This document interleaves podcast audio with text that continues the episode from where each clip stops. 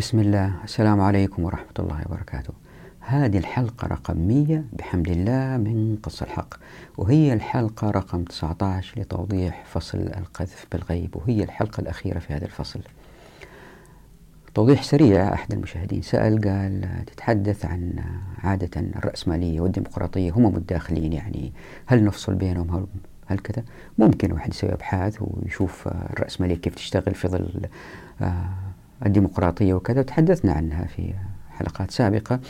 لكن ما دخلنا فيها بالتفصيل لأنه هدف كتاب قص الحق هو الآتي. لذلك عنوان الكتاب هو قص الحق العقل وحتمية الفساد.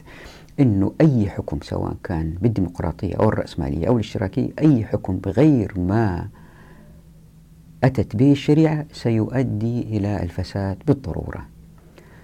هذا هو محور الكتاب والآن إلى الملخص.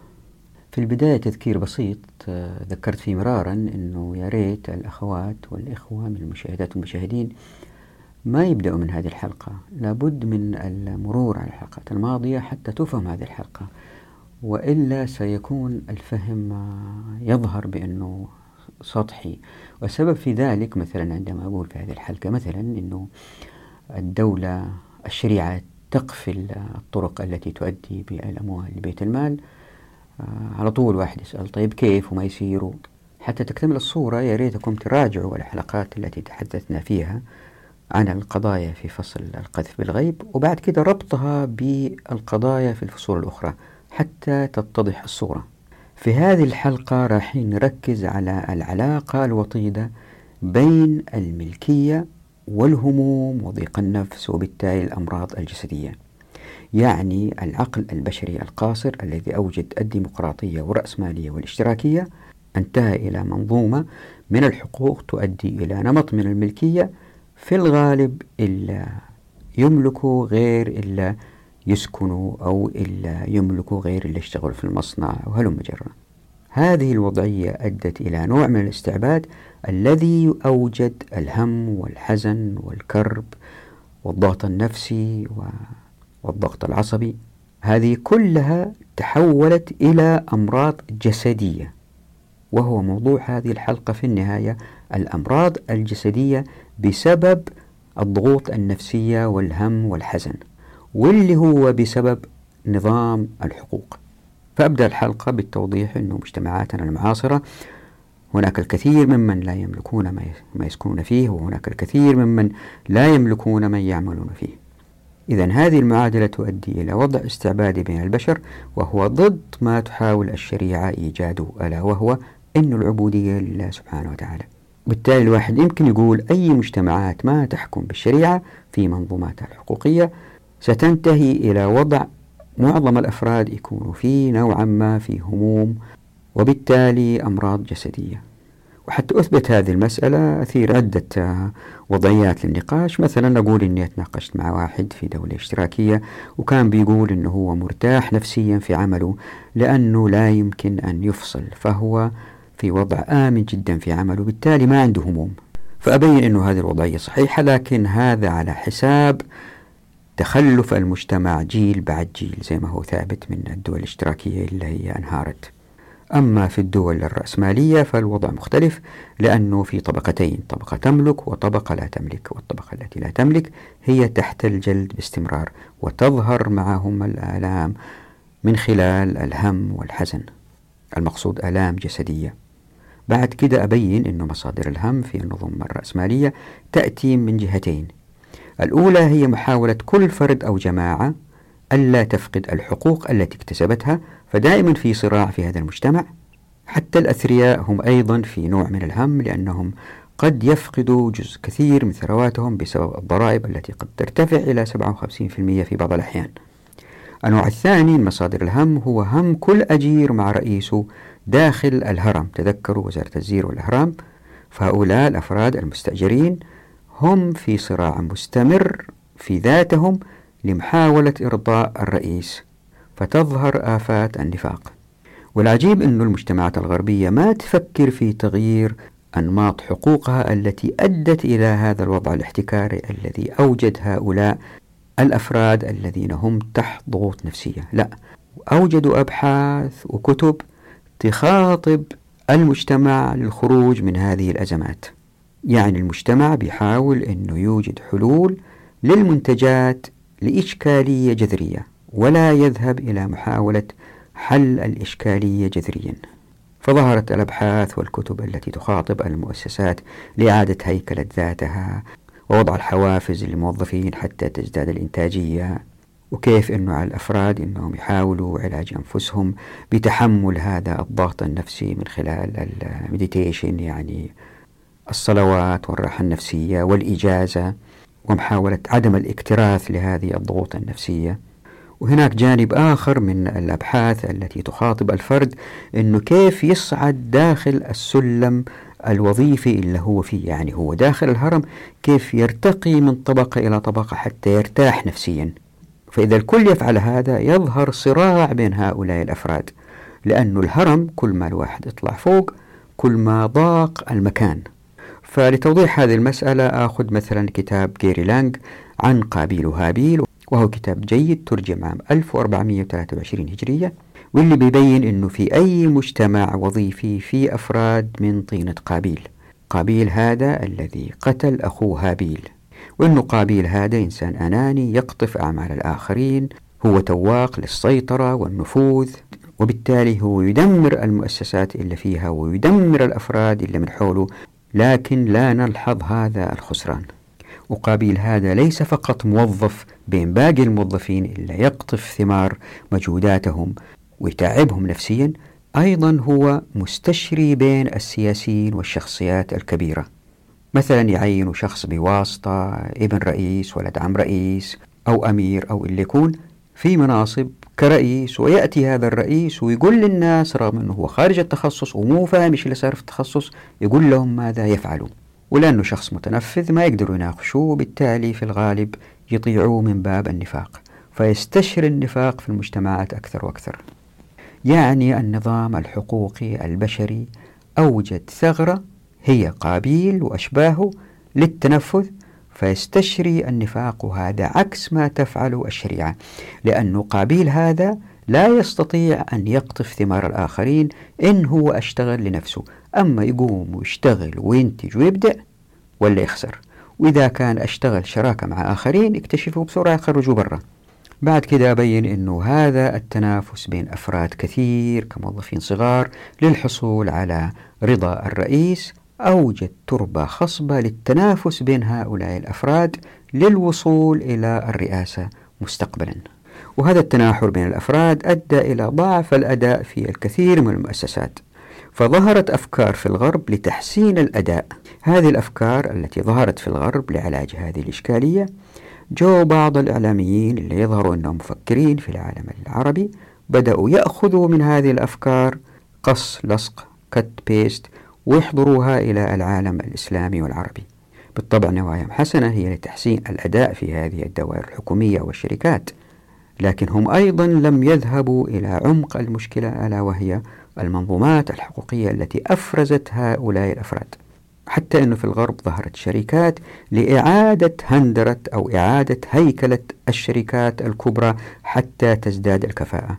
فظهر كتاب اسمه صحبة خطرة نمر عليه سريعا Dangerous Company واللي يبين كيف أنه هذه الشركات التي تحاول إعادة هيكلة الشركات والتحفيز وما إلى ذلك لم تغير الكثير ولكن فقط هي خسائر مالية على الشركات مثل AT&T ثم بعد ذلك أمر على قوله تعالى في سورة محمد أعوذ بالله من الشيطان الرجيم.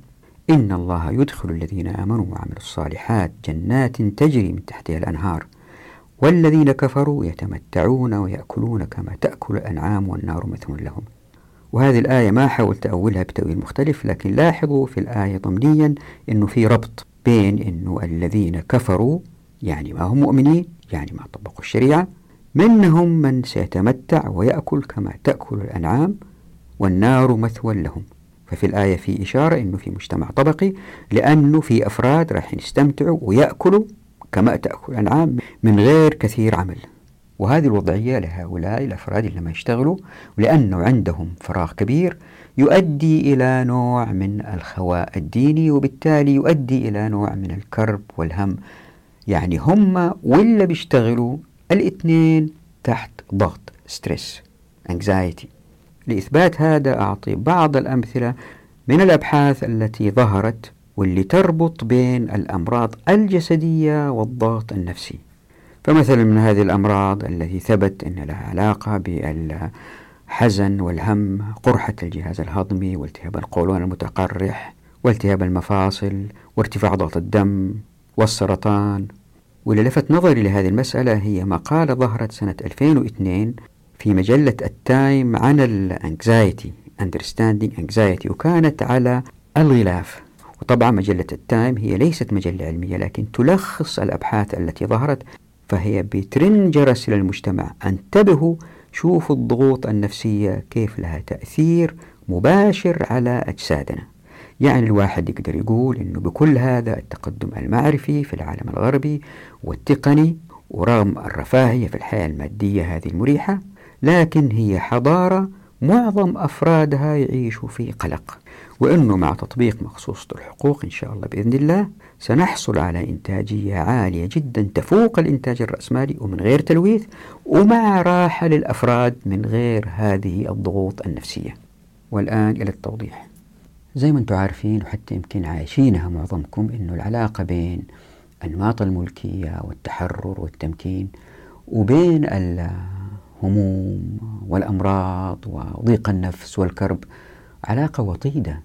يعني هل اللي يملك بيته زي الشخص المستأجر؟ اللي يملك بيته مرتاح فيه ويفكر كيف يضيف غرفة يفكر كيف يسوي صيانة لهذا الشيء وذا الشيء. بينما اللي ساكن مستأجر آه، يفكر يا ترى يقدر يدفع الإيجار ولا ما يقدر هذه السنة؟ حتى إذا كان متمكن هل يجي المالك يحاول يخرجه عشان هو يسكن ولا يسكن ولده ولا يأجر بإيجار أعلى ولا طب نقول يروح فين؟ و... فدائما في فرق واضح وشاسع بين اللي يملك ومرتاح وبين الشخص اللي ما يملك. ولهذا آثار آه، نفسية كبيرة. هي موضوع هذه الحلقة. أيضا آه، هي ليست ملكية عقار فقط للسكنة لكن أيضا ملكية عمل. هل الإنسان يملك الشيء الذي يعمل فيه؟ يعني هل يملك اللي يشتغل في مصنع هذا المصنع ولا هو موظف؟ هل يملك الإنسان؟ طبعا مستحيل الإنسان يملك وزارة. آه، هل يملك هذا الإنسان الخدمات التي تقوم بها الوزارات؟ أو لا يملك؟ مثلا آه، شركة المياه في بعض الدول هي ليست شركة هي وزارة وزارة المياه وزارة التخلص من الفضلات يسموها وزارة الصرف الصحي الله يكرمكم. فهذه المؤسسات إن طبقنا الشريعة تكون شركات تقوم بخدمات للآخرين وتأخذ أجر مقابل هذا هذا العمل. وهذه راح نوضحها إن شاء الله. فاللي بيصير إنه إنه الناس في الغالب اللي يشتغلوا في هذه الشركات هم الملاك لها. ففي فرق شديد بين إنه الواحد يشتغل للدولة كموظف على أنه همه الأول والأخير يكون ليس تحسين الموقع اللي هو يشتغل فيه بل هو الحرص على إنه ما ينفصل وإنه راتبه ما يتأثر ويحاول إنه يزيد راتبه بالتفاني في أداء العمل. ليس لمصلحة العمل لكن لمصلحة إنه التقارير تطلع عنه ممتازة من أحسن ما يكون حتى يحصل على ال ال الزيادة هذه السنوية. طبعا في هذه الأحوال تكون المسألة ليست بالضرورة.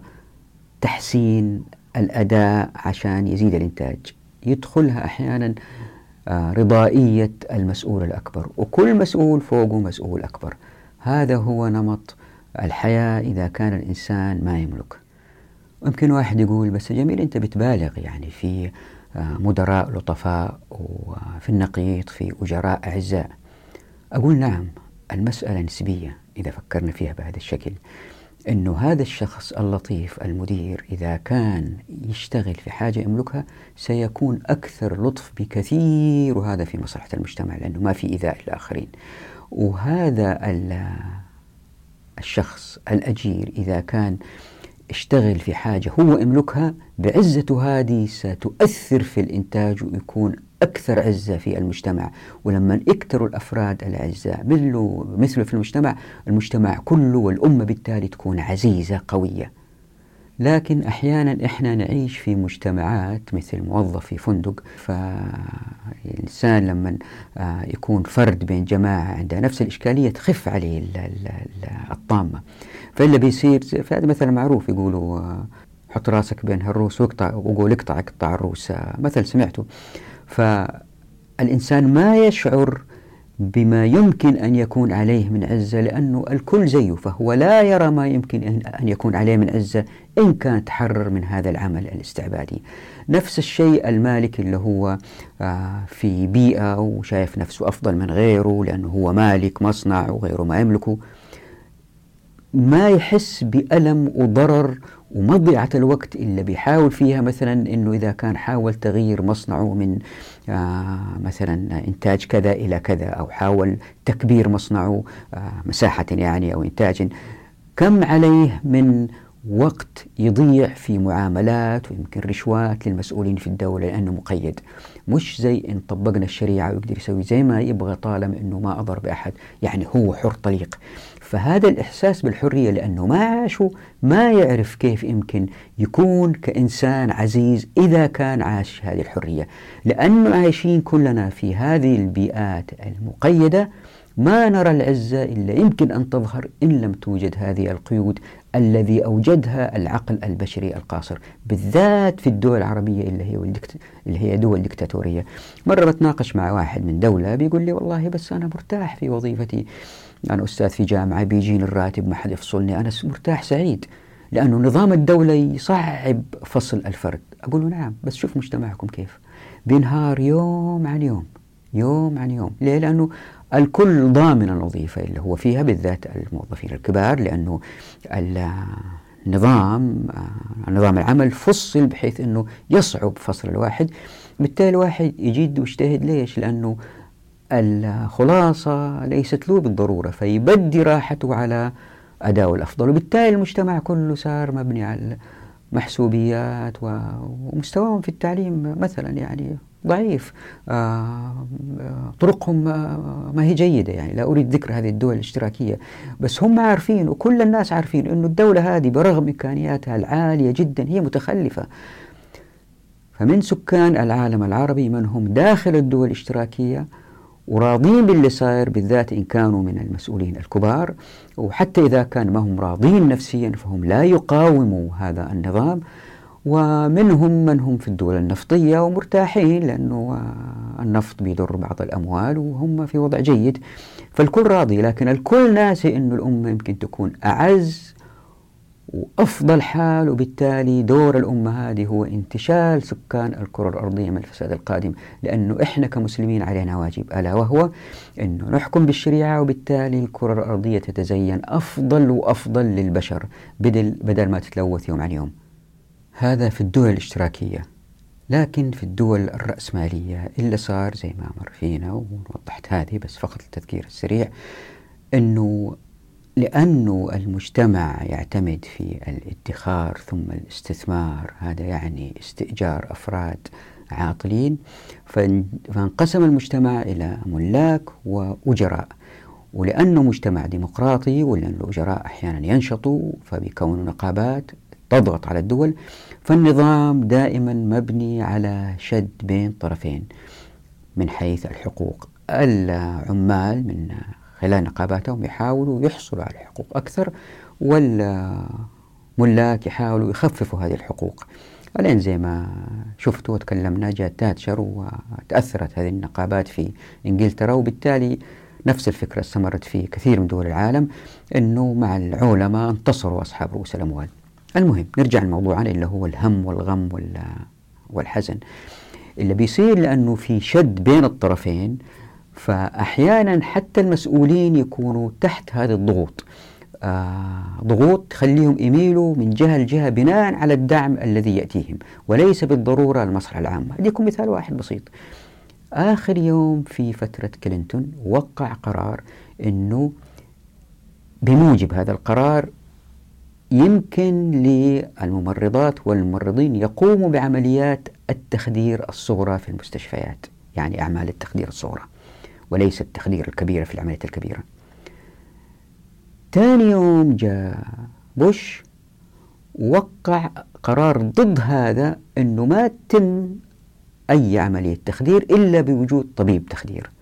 لأنهم هم دعموه في الانتخابات ولأنه وعدهم أنه سيدعمهم في هذه المسألة لأنه كانت فترتها في مناقشات التخدير وهميته وماليا هي آه، مكلفة ما هي مكلفة لأنه التكلفة تذهب لتقع على المريض. إذا كان جاء طبيب متخصص في التخدير والمسألة يمكن ما تحتاج كل هذا وأي مرض يقوم فيها كلام طويل عريض إلا صار أنه يوم واحد القرار تغير من كده إلى كده. طب فين المصلحة؟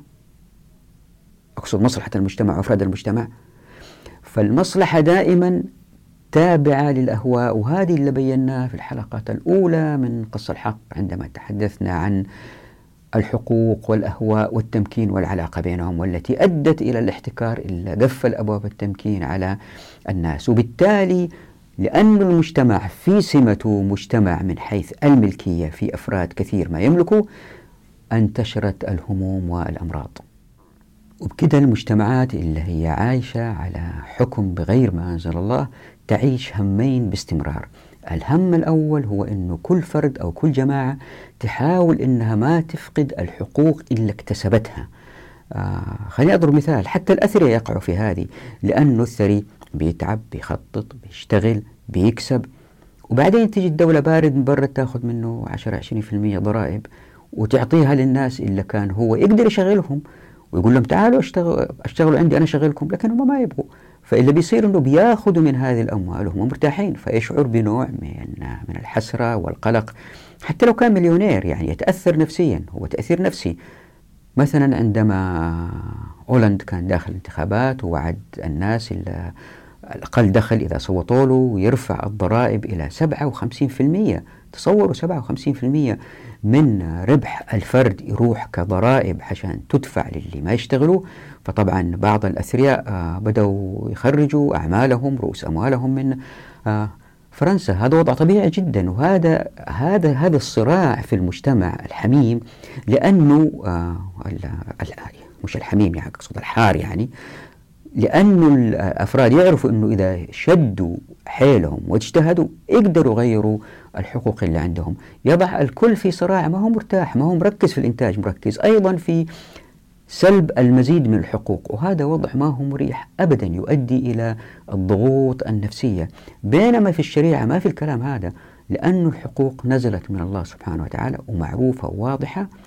وزي ما قلت ألف مرة حقك عندك حقي عندي. ما يصير في صراع ولا يصير في خلاف. الكل مستقر وعارف وأبواب التمكين مفتوحة. فالكل مركز مخه وتفكيره في كيف يحسن إنتاجه ويحسن أداؤه حتى يكسب. فهذا فرق جذري بين منظومات الحقوق من وضع العقل البشري لأنها تتغير شمال يمين وبين ما أتت به الشريعة ثابت مستقر ما يتغير الكل مرتاح فيه. وبالتأكيد يمكن بعضهم يقول والله بس شوف يا جميل العالم الغربي متقدم والانتخابات هي ليست شد هي متعة حماس زي فريقين كرة قدم بيتنافسوا في مشجعين وجمهوريين ديمقراطيين. أقول نعم العالم الغربي له إنجازات كبيرة. أنا كمهندس مثلا أو مهتم في العلوم الحضرية الاربن ستديز أشوف الطرق أشوف الكباري وأشوف الإنجازات. هذه كلها هذه كلها إنجازات ما في كلام. لكن أيضا على حساب أن الناس إلا بيفقدوا الحكم ورؤساء الدوائر والأقسام المهمة بيفقدوا وظائفهم وبيخرجوا. بيجي الفريق الفائز بطاقم جديد ويمسك كل المراكز الحساسة المهمة. الآن بايدن فاز على ترامب وجاء فريق جديد فريق كامل جديد. طيب هذول اللي خسروا ما في ضرر نفسي عليهم. طبعا في ضرر نفسي عليهم. بعضهم يمكن آه يعيش طول عمره عايش على التقاعد وفي وضع يكتب بس مذكرات وما إلى ذلك. لكن الأهم إلا ما ننساه أنه إحنا بنقارن العالم الغربي بالعالم الإسلامي وأنا دائما أضرب هذا بالعالم الإسلامي اليوم. أنا دائما أضرب هذا المثل. كأنه بنقارن واحد أعور بواحد أعمى.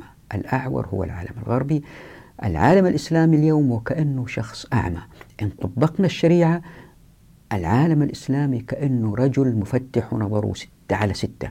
فعندما تقارن العالم الغربي الأعور بالعالم الإسلامي اللي الأفراد عايشين فيه من غير هموم ومن غير تلويث الكرة الأرضية زي ما بيسوي العالم الغربي الآن عندها الإنسان يرى الفرق الواضح بين الشريعة وما تؤدي إليه الديمقراطية من إشكاليات بسبب تغيير منظومة الحقوق اللي هي توجد الهم والغم عن الناس لأنه احتمال اليوم أنا كمالك أدفع 20% ضرائب يجي طاقم جديد يحكم أدفع 57% ضرائب. هذه كارثة. نفس الشيء النقابات وما إلى ذلك.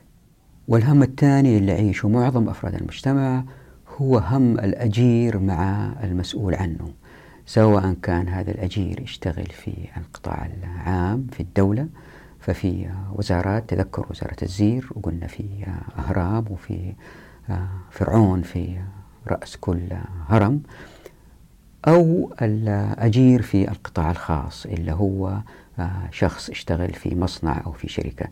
لأن الرأسمالية تريد زيادة الإنتاجية وهذه تأتي في ظنهم من ادخار الأموال واستثمارها مجموعين مع بعض ويجب أن تكون هناك آه، طبقة مالكة وطبقة أجيرة تعمل يعني في عاطلين يبحثوا عن عمل ويشغلوهم. كان الوضع ممتاز لإيجاد هذه الهموم والأحزان في نفوس هؤلاء.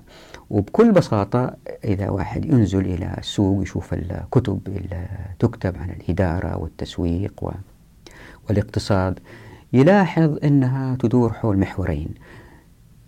محور يخاطب المسؤولين والملاك المسؤولين في الدولة والملاك للشركات أنه كيف تعيد هيكل هيكلة المؤسسة اللي أنت فيها والشركة اللي أنت فيها كيف تعيد تنظيمها حتى تزيد الإنتاجية وكيف تزيد الحافز عند الأفراد حتى ينتجوا. وفي الطرف الآخر في كتابات وأبحاث طبعا أبحاث كتابات ناتجة من أبحاث أنه تقول للفرد العامل عند في الدولة أو في الشركة أو كذا إيش المفروض عليك تسويه حتى ترتقي وتت وتتعلى في هذا الهرم من طبقة إلى أخرى؟ خلينا ناخذ مثال. في كتاب ظهر آه، لجيري لانج وترجم للغة العربية. يقول هذا الكتاب أنه في كل مؤسسة أو مصنع أو دائرة أو قسم مهما صغر أو كبر أي في كل هرم يوجد شخص أو أكثر من طينة قابيل وهو ابن سيدنا آدم عليه السلام الذي قتل هابيل. يعني الكتاب ينظر إلى فكرة قابيل وهابيل وهل هي متحققة في الدوائر سواء كانت حكومية أو شركات. وفي هذا الاستخدام للاسم قابيل استعارة رمزية مجازية لصفة شخص قابيل الذي لا يريد الارتقاء على حساب الآخرين فحسب بل يريد أيضا أن يبرهن لنفسه بأنه يتمتع بمركز وسلطة لا يتمتع بها من حوله. كما أن الكتاب يثبت أن قابيل هذا لا يبالي بالقيم بل بالأنانية والمصلحة الذاتية من خلال الكذب وسوء الأخلاق. ويوضح الكتاب أن السلوك السيء لقابيل هذا يعدي الآخرين ويطغى في المؤسسة على السلوك الحسن. ولأن قابيل حثيث لبلوغ مراكز السلطة فهو تواق للسيطرة والنفوذ ومن صفاته أنه لا يفكر بالمشكلات التي تواجه مؤسسته بقدر تفكيره بالمشكلات التي تواجهه هو ويتظاهر بغيرته على المؤسسة كما أنه يقطف ثمار جهود غيره لإعلاء شأنه وهو يريد من مروسيه الولاء لشخصه. لذلك فهو دائم التجميل لصورته. لذلك يحب الذليل الذي يتزلف له وهو يلهث وراء الاحترام والإعجاب الذي يعقب المنجزات وليس المنجزات بحد ذاتها. هذا وصف رائع وبديع لأفراد يمكنكم قابلتوهم في حياتكم العملية. تجد أنه هو زميلك وأنت تشتغل وتتعب وهو يجي إذا جاء المسؤول فقط لأنه عنده مقدرة أنه يتكلم وأنه يظهر نفسه ويظهر ويتحرك. وأنا لاحظت مثلا لما تصير عندنا معارض مثلا في الجامعات وكذا واحد ما اشتغل ولا جاء آه، ولا ساهم يجي يحشر نفسه في التصوير يوقف جنب المسؤول ويروح ويجي ويبين نفسه أنه هو سوى كل الشغل. بينما عملوا أفراد ويبوا وجه الله وشغالين وليل نهار وقت يجي الافتتاح تجدهم في الصفوف الخلفية. نفس الشيء إذا كان مجموعة عمال طلب منهم مثلا حفر حفرة آه، كبيرة نوعا ما تحصل بعضهم يشتغل ويحفر ويعرق. وواحد ثاني آه، يجيب المسحة ويناول هذه ويسوي ويسوي نفسه شغال وهو ما بيشتغل. فكروا في حياتكم العملية تجدوا الكثير من هؤلاء اللي يظهروا نفسهم أنهم يشتغلوا ويلمعوا أنفسهم هم في الواقع ما بيسووا شيء بيضروا المؤسسات اللي هم فيها. وهذا وضع لا مفر منه لأنه في غريزة نفسية عند بعض البشر إن لم تعالج بالشريعة بأنه أشتغل لنفسك في مكانك وإذا كان ما تمكنت فالخزي لك أنت. لا وضعه في مكان يمكن يقطف ثمار الآخرين. وفي هذا ظلم كبير لكثير من الناس. بالإضافة إلى كذا الكتاب يتهم رؤوس الأهرام تذكروا وزارة الزير والأهرام يعني يتهم رجال السياسة ورجال الأعمال بأنهم أشباه قابيل. فيقول وهذه مهمة وحلوة إن العديد من الشخصيات البارزة في المجتمع ولا سيما رجال السياسة منهم يتصفون بهذه الصفات إلى حد ما.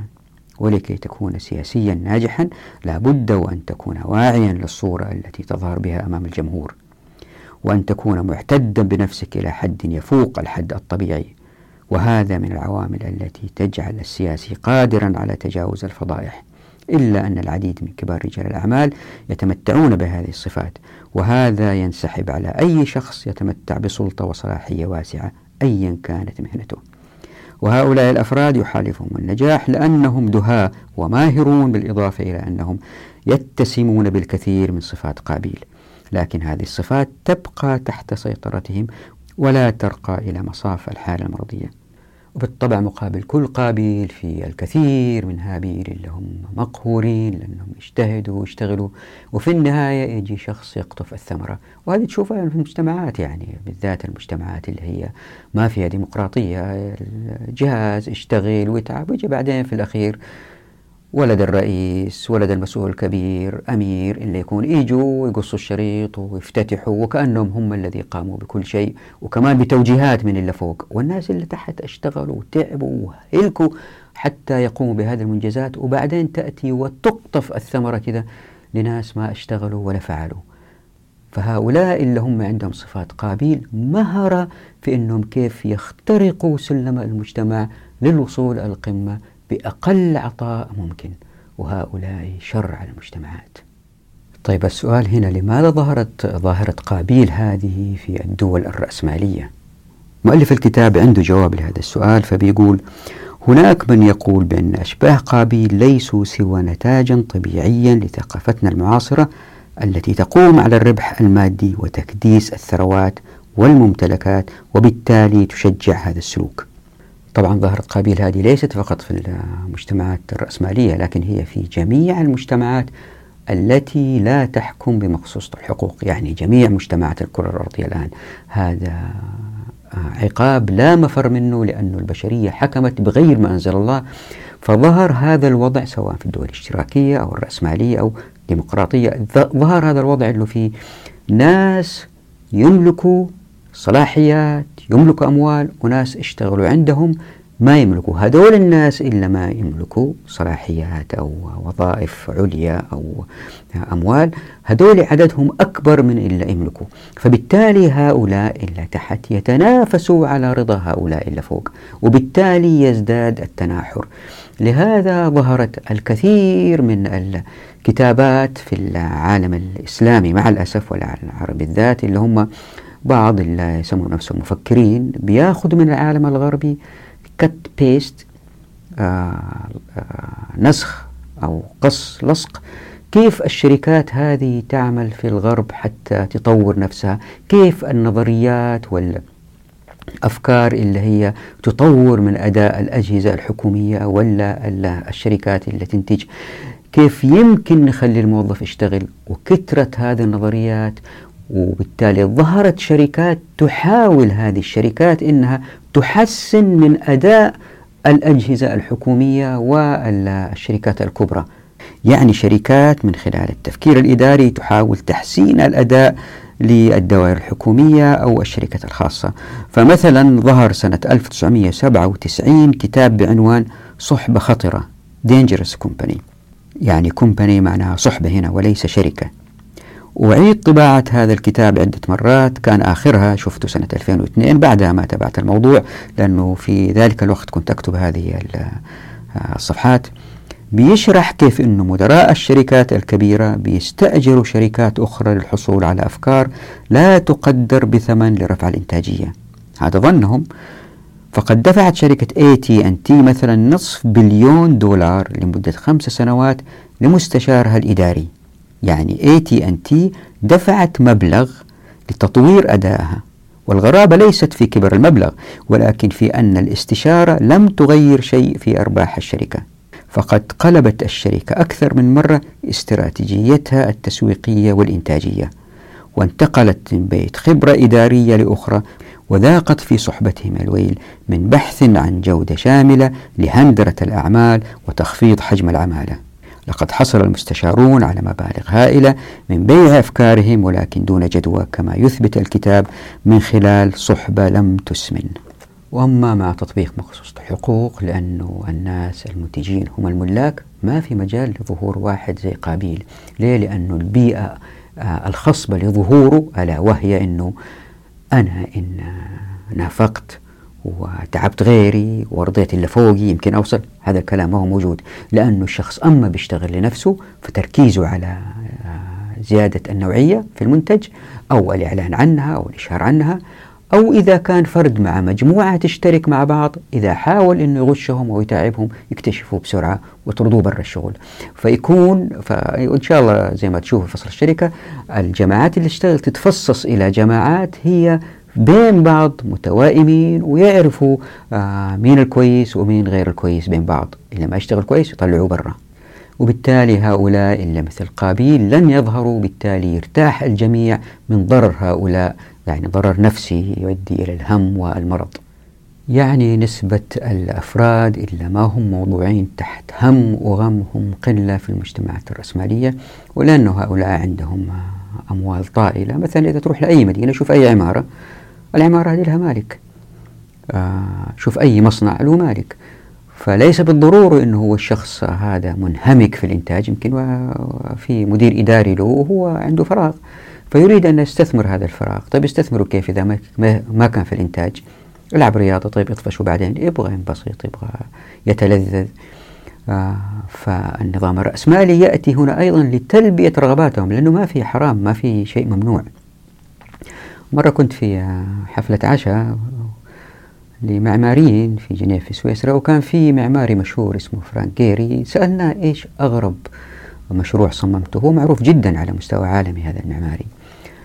قال في مليونير في فلوريدا في في كاليفورنيا طلب منه إنه يصمم له سكن.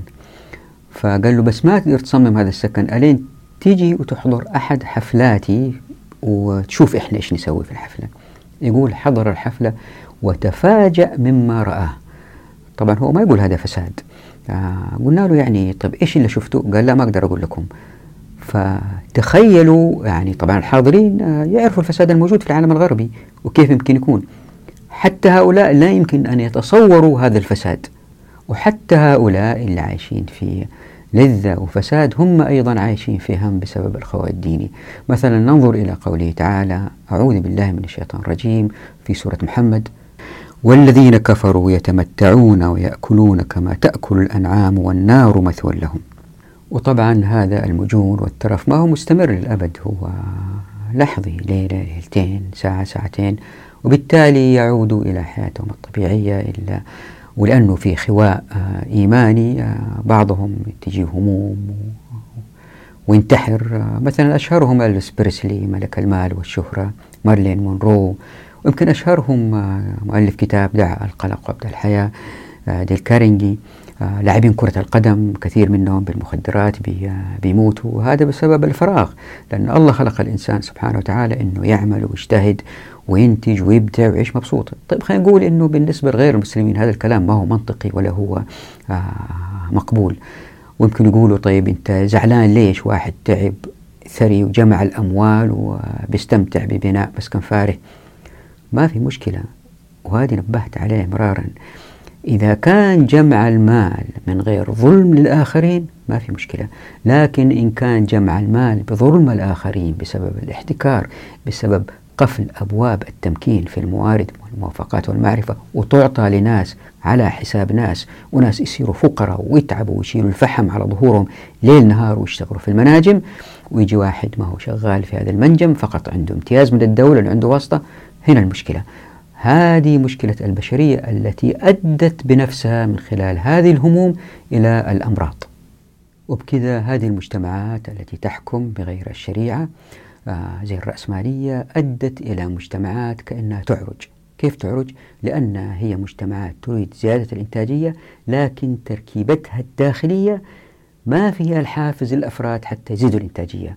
فظهرت بالتالي الدراسات والأبحاث التي تحاول أن تربط بين القلق stress يمكن واحد ترجمها إلى ضغط عصبي يمكن تترجم إلى آه، كرب إلى هم إلى حزن stress ظهرت الأبحاث اللي تربط بين الضغوط النفسية التي تقع على الأفراد وتأثير ذلك على الجسد. طبعا هذه الضغوط ال stress أحيانا تكون مفيدة ليه؟ لأنه آه لها وظيفة. مثلا إذا واحد شاف آه آه وحش يبغى يشرد منه فيصير تفاعل في جسمه فيشرد. هي مفيدة أحيانا.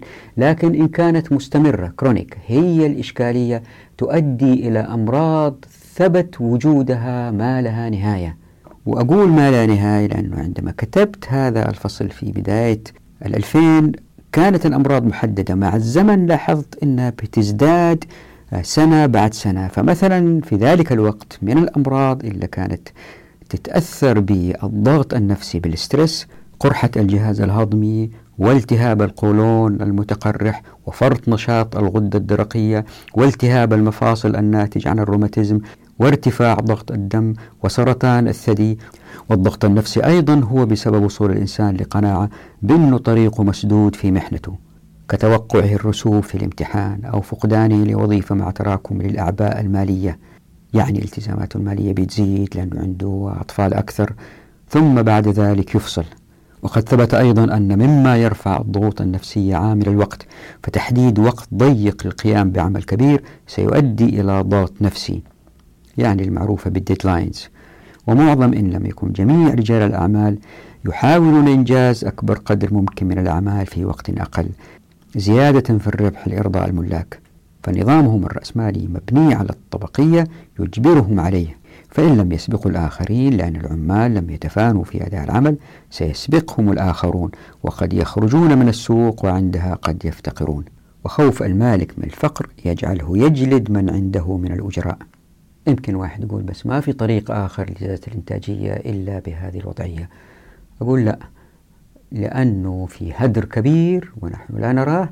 إن طبقنا الشريعة زي ما راح نشوف إن شاء الله فصل الشركة والفصل الوصل كيف الإنتاجية تكون أعلى؟ بكثير وبجودة أعلى من غير هذه الضغوط النفسية. ظهرت مقالة في مجلة التايم لفتت نظري جدا لهذه المسألة. ألا وهي الإرهاق النفسي وتأثير ذلك في الأمراض الجسدية. فكان العنوان مثير ألا وهو فهم القلق. الآن وأكثر من أي وقت مضى إننا نخنق أنفسنا مرضا. طبعا العنوان هو لمقال عن تأثير القلق والهم على الصحة.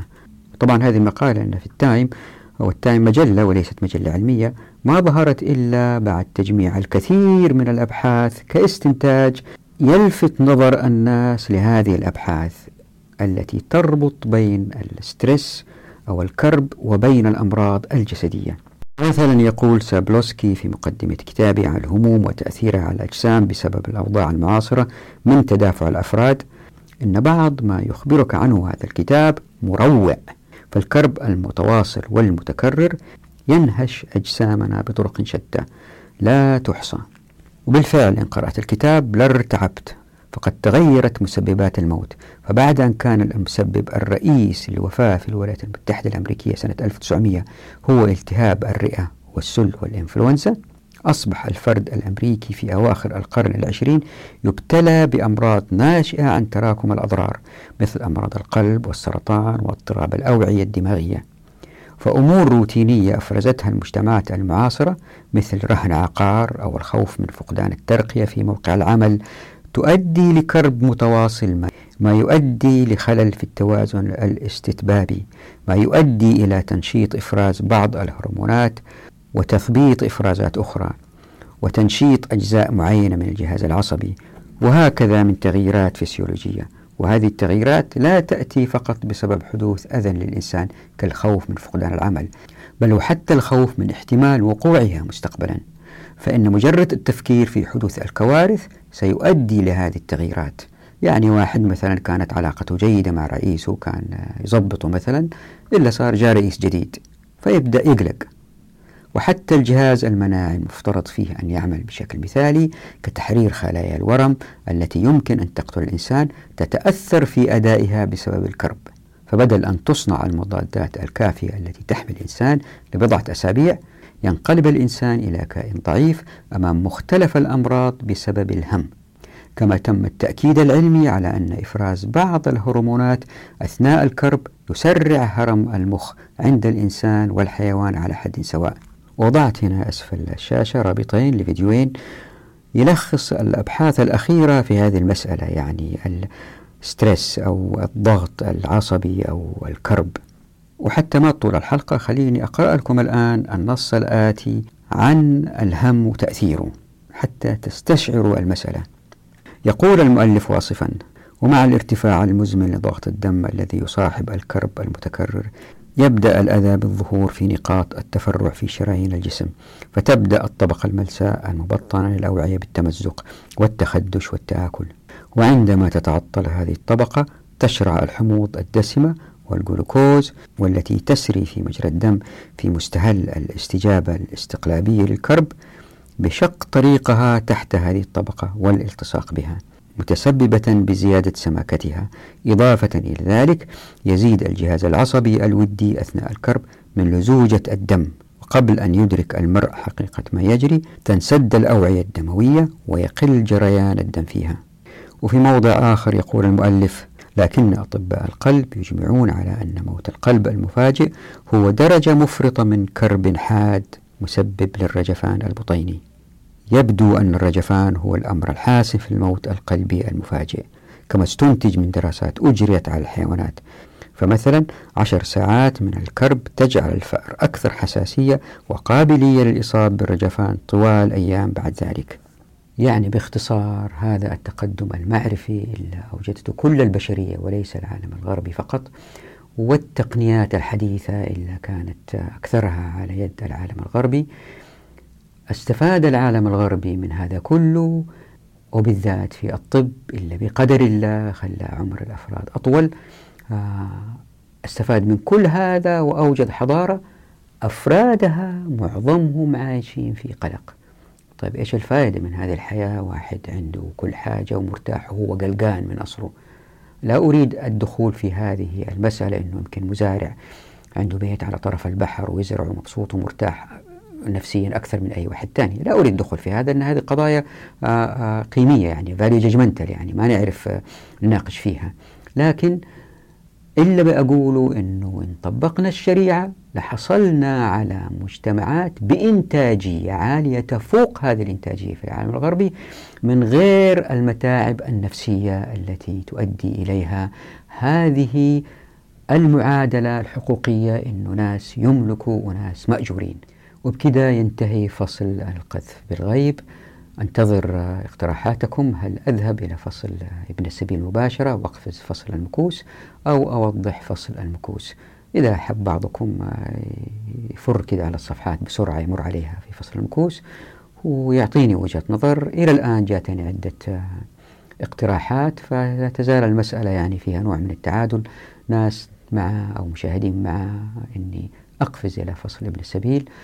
مشاهدين لا إن أستمر كما أنا فما خاب من استشار أنتظر ردودكم إن شاء الله بإذن الله. نراكم على خير في الحلقة القادمة. أما تكون حلقة مكوس أو حلقة ابن سبيل دعواتكم وفي أمان الله.